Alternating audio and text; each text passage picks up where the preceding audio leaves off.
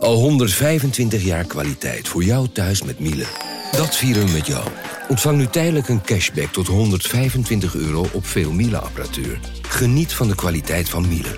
Voor perfect verzorgd wasgoed en kleding die veel langer mooi blijft. Voor een stralend schone vaat, even perfect als jouw diners. En een stofvrij thuis waarin echt hygiënisch schoon de standaard is. Check miele.nl voor alle feestelijke aanbiedingen. Hey podcastluisteraar. Ook op zoek naar een relevante invulling van je schaarse luisteruren?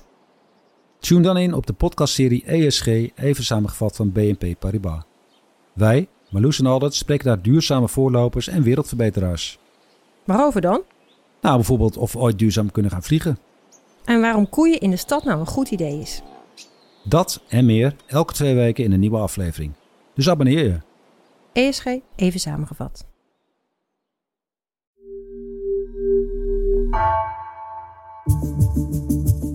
Vanaf de redactie van NRC het verhaal van vandaag. Mijn naam is Floor Boon.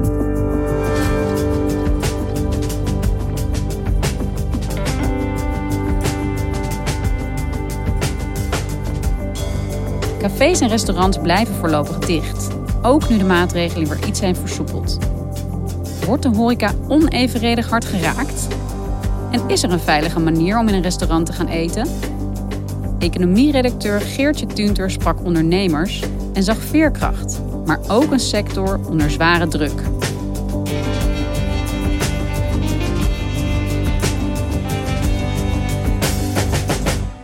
Hey allemaal, ehm, ik weet niet of ik jullie enige horeca-eigenaar ben uh, in jullie vriendengroep, maar ehm, wat een partij kloten is dit. Wat bizar is dit. Ehm, ja, ik heb net even zitten janken. Ik voel me gewoon echt super kut. Ik voel me als gezin mega getroffen.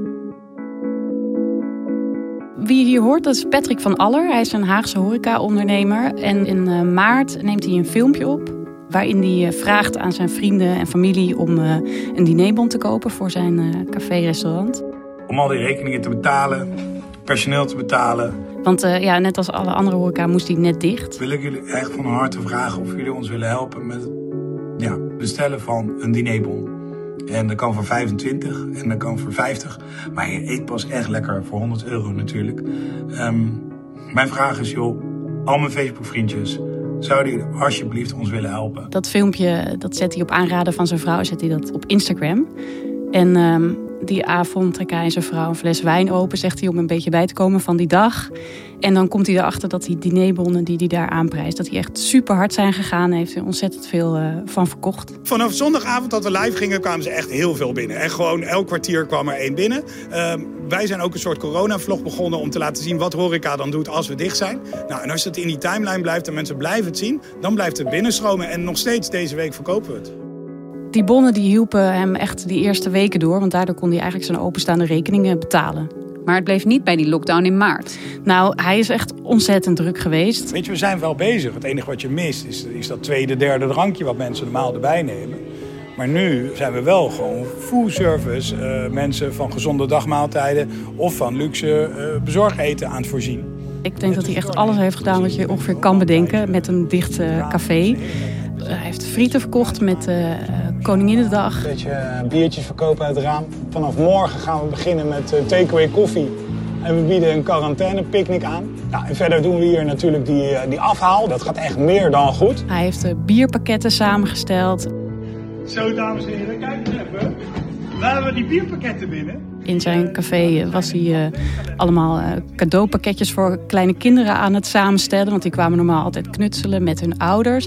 Uit het raam in het café uh, verkoopt hij fris en bier en wijn. En ze hebben maaltijden die ze bezorgen, die mensen kunnen afhalen. Dames en heren, de weekendhappen staan online. Lekker noedels met gamba's, poksoi. Hij heeft echt ontzettend veel bedacht. En als mensen naar eten halen, zeg ik, maar ga je morgen wel koken dan? Het is zaterdag. Dan zeggen ze, nee, eigenlijk niet. Nou, neem dan voor morgen ook mee. Of gooi het in de vriezer, heb je het maandag. Ze hebben trouwens ook sjaals en mokken. Het raam is de hele tijd eigenlijk bezet. En mensen willen een praatje maken en ze komen sjalen halen, fansjalen, om te laten zien dat ze supporten. Wij vervelen ons niet. Volgens mij kan hij echt alles verkopen.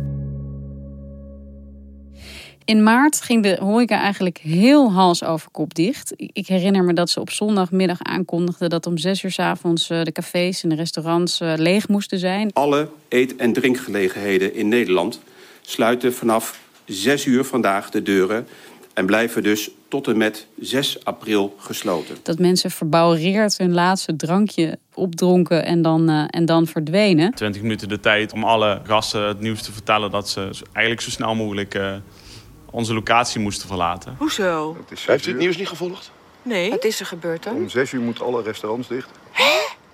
Ja, nee, we zijn net, ik ben net langs geweest om te zeggen, ik kom, ik kom zo meteen een hapje eten. Ja, maar toen was het nieuws niet. Nieuws is een Om half zes, mevrouw, is vandaag bekendgemaakt dat alle horeca om zes uur Ja, maar toen waren we druk okay. met praten. Stamgasten in café Ons Hoekske aan de Pastoriestraat... beseffen dat dit wel eens de laatste uurtjes zouden kunnen zijn in hun favoriete kroeg. Niet alleen kroegen en cafés, maar ook cafetaria's. Zo staan we hier ook uh, bij de Tuffel. En uh, ja, dit is natuurlijk helemaal kloten. Ja, ja, kloten. Het is sowieso een kloten uh, situatie. Maar... Ja, die sluiting in maart die heeft heel lang geduurd, hè, tot 1 uh, juni.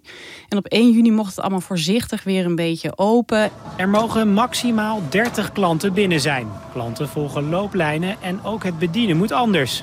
Want het directe contact moet beperkt worden. Minder tafels hadden ze binnen staan en schermen. En op de terras had je ook van die kuchschermen tussen twee tafeltjes in. Dus ze zijn er hartstikke druk mee geweest.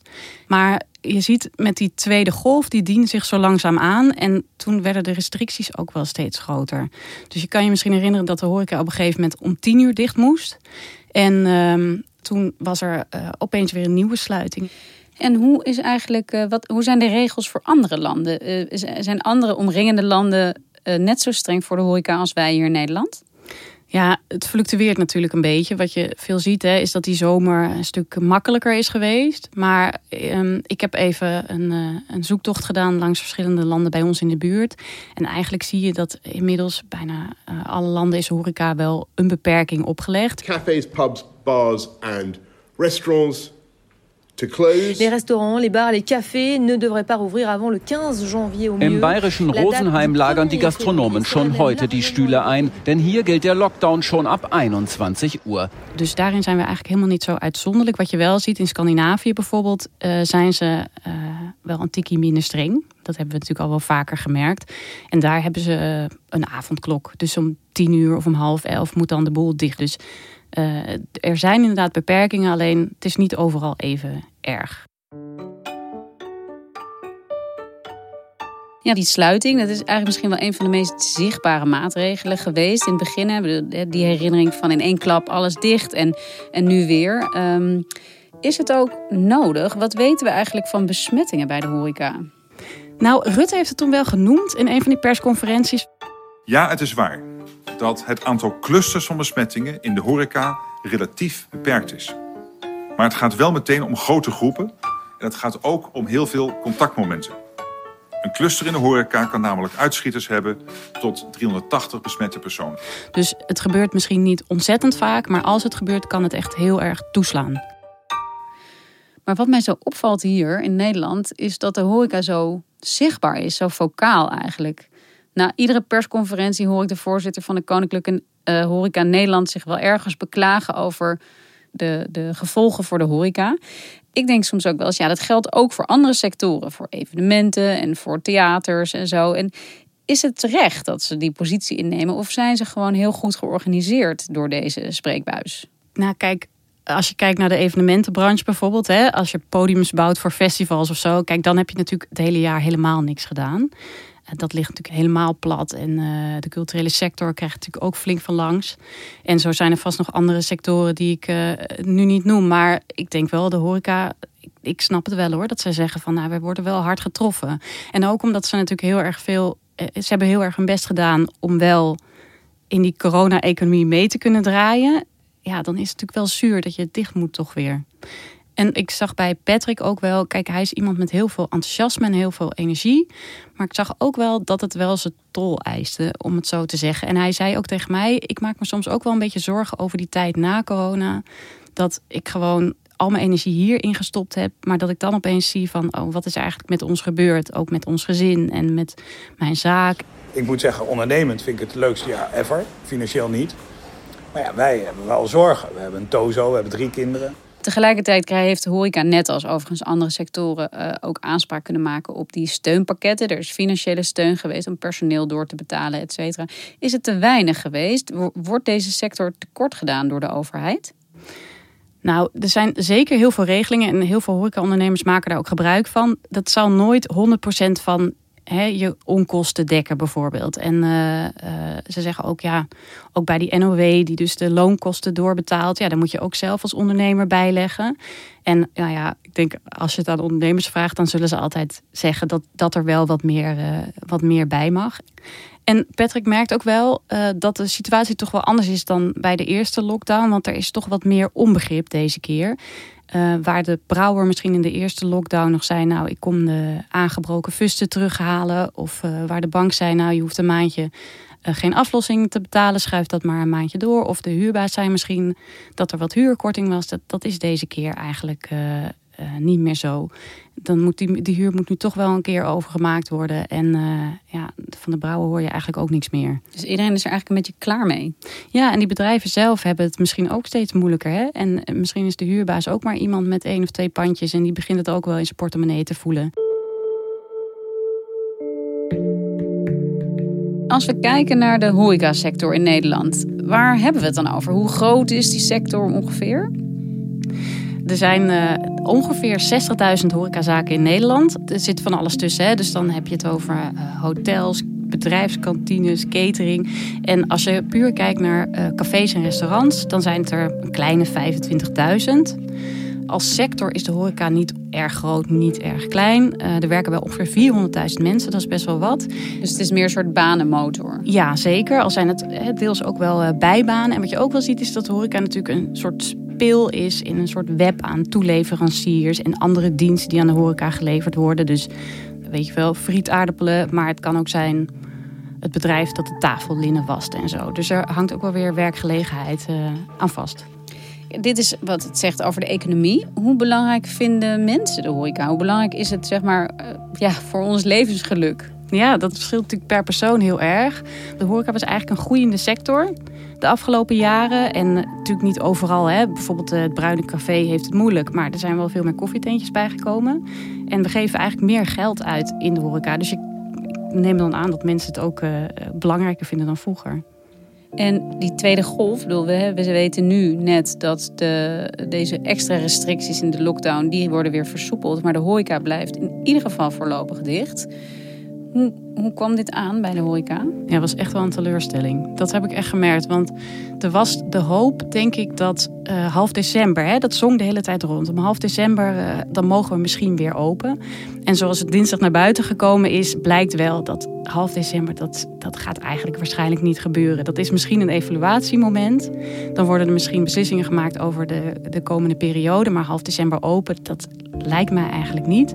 En misschien wordt het wel half januari. Daar werd ook wel voorzichtig uh, op gehind. Wat we willen doen is half december kijken. Zou het al mogelijk zijn uh, om iets meer ruimte te geven? Uh, als we op indicatoren zitten die passen bij dat risiconiveau 2. En pas dan kunnen we weer nadenken over iets van verruiming. En we verwachten dat dat per half december zal zijn. Koninklijke Horeca Nederland heeft een enquête gedaan onder leden. De vraag is natuurlijk altijd hoe representatief zo'n enquête is. En je kunt je misschien ook voorstellen dat mensen die zelf het echt moeilijk hebben, sneller geneigd zijn zo'n enquête in te vullen. Maar daaraan kon je wel zien dat um, ruime 10% die denkt echt dat de toekomst van het bedrijf in gevaar is. Dus die ziet misschien voor zich dat die volgend jaar niet meer bestaat. En uh, dan is er ook nog een fikse groep die zegt: Ja, ik durf er eigenlijk helemaal niks over te zeggen, want het is allemaal nog zo ongewis. Dus die zorgen zijn er wel echt. Ja, want als we nou heel voorzichtig zo over deze tweede golf heen durven kijken, wat zien we dan? Zijn er mogelijkheden voor de horeca om misschien toch op een veilige manier wel open te gaan? Wat ze zelf heel graag willen is uh, dat in ieder geval niet alle horeca op één hoop gegooid wordt. En uh, dat gebeurt natuurlijk nu wel. Het is open, dicht of maximaal 30 man. Zelf zeggen ze nou, onderzoek nou eens uh, wat een veilige manier van uh, gasten ontvangen is in, in de zaak die ik heb. Hè. Misschien heb je een Grand Café waar 120 mensen kunnen zitten of 150. En dat is wel wat anders dan het cafeetje op de hoek. Dus ze willen heel graag dat daar onderzoek naar gedaan wordt. En dat gaat ook gebeuren. TNO ehm, gaat op 25 locaties kijken naar wat de invloed is van grootte van een bedrijf, maar ook bijvoorbeeld van het luchtsysteem, dus het ventilatiesysteem dat zo'n uh, horecagelegenheid heeft. De bedoeling is dus om daar snel mee te beginnen. En dan hopen ze natuurlijk dat daar uitkomt van uh, jij mag het proberen op deze manier. En sowieso hopen ze heel erg dat er kleinere stapjes gemaakt kunnen worden. Hè? Dus niet open of dicht, maar laten we het gaan proberen en laten we dan uh, kijken hoe het werkt. Het kabinet praat met de horecasector over heropening van sommige restaurants als de corona-ontwikkelingen dat toestaan. Dat schrijft minister Wiebes aan de Tweede Kamer.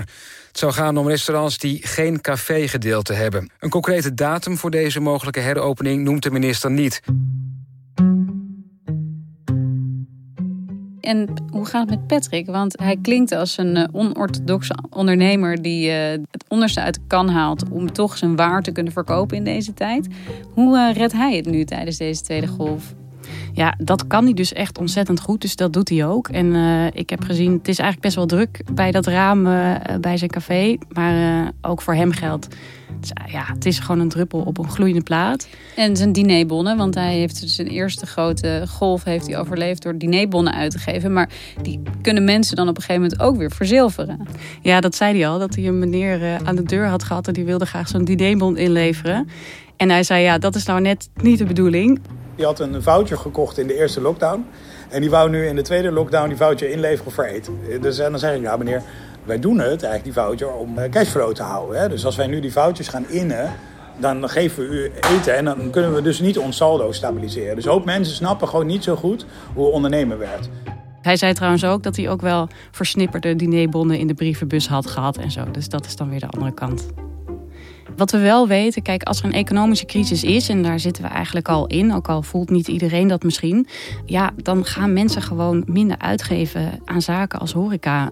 En je zag na de crisis van 2008 dat het echt tot 2014 duurde tot de horeca die klap eigenlijk weer te boven was. Dus tot de omzet weer op het niveau was van, uh, van het piekjaar 2007. Als je weet dat dat er misschien aankomt, dan is het natuurlijk ook hartstikke eh, spannend of zorgelijk als horecaondernemer. En in de tussentijd ja, verzinnen al die horecaondernemers maar steeds weer uh, leuke nieuwe dingen. En eten dat we af kunnen halen en bierpakketten en dat soort zaken. En ik denk ook, ja, ze zullen nu misschien ook helemaal niet zo bezig zijn met die uh, langere termijn. Want ze zijn nu op de korte termijn gewoon aan het overleven. En hopen denk ik dat ze in januari weer open mogen. Hey Geertje, wat mis jij het meest aan de horeca? dat is wel een leuke vraag. Ik mis de horeca wel vaak eigenlijk. En ik heb ook.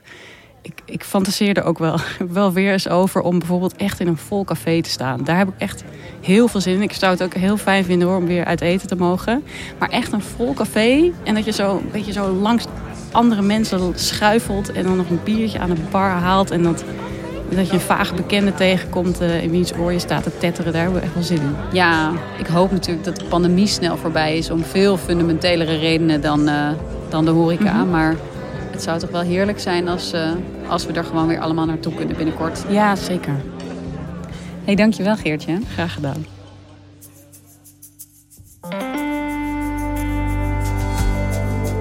Je luisterde naar vandaag, een podcast van NRC. Eén verhaal, elke dag. Deze aflevering werd gemaakt door Misha Melita en Jan-Paul de Bond. Dit was vandaag, maandag weer.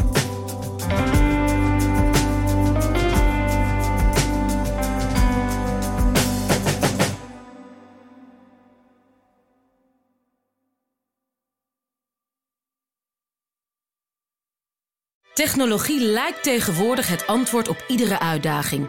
Bij PwC zien we dit anders. Als we de potentie van technologie willen benutten, kunnen we niet zonder een menselijk perspectief. Human-led, tech-powered noemen we dat. Ga naar pwc.nl.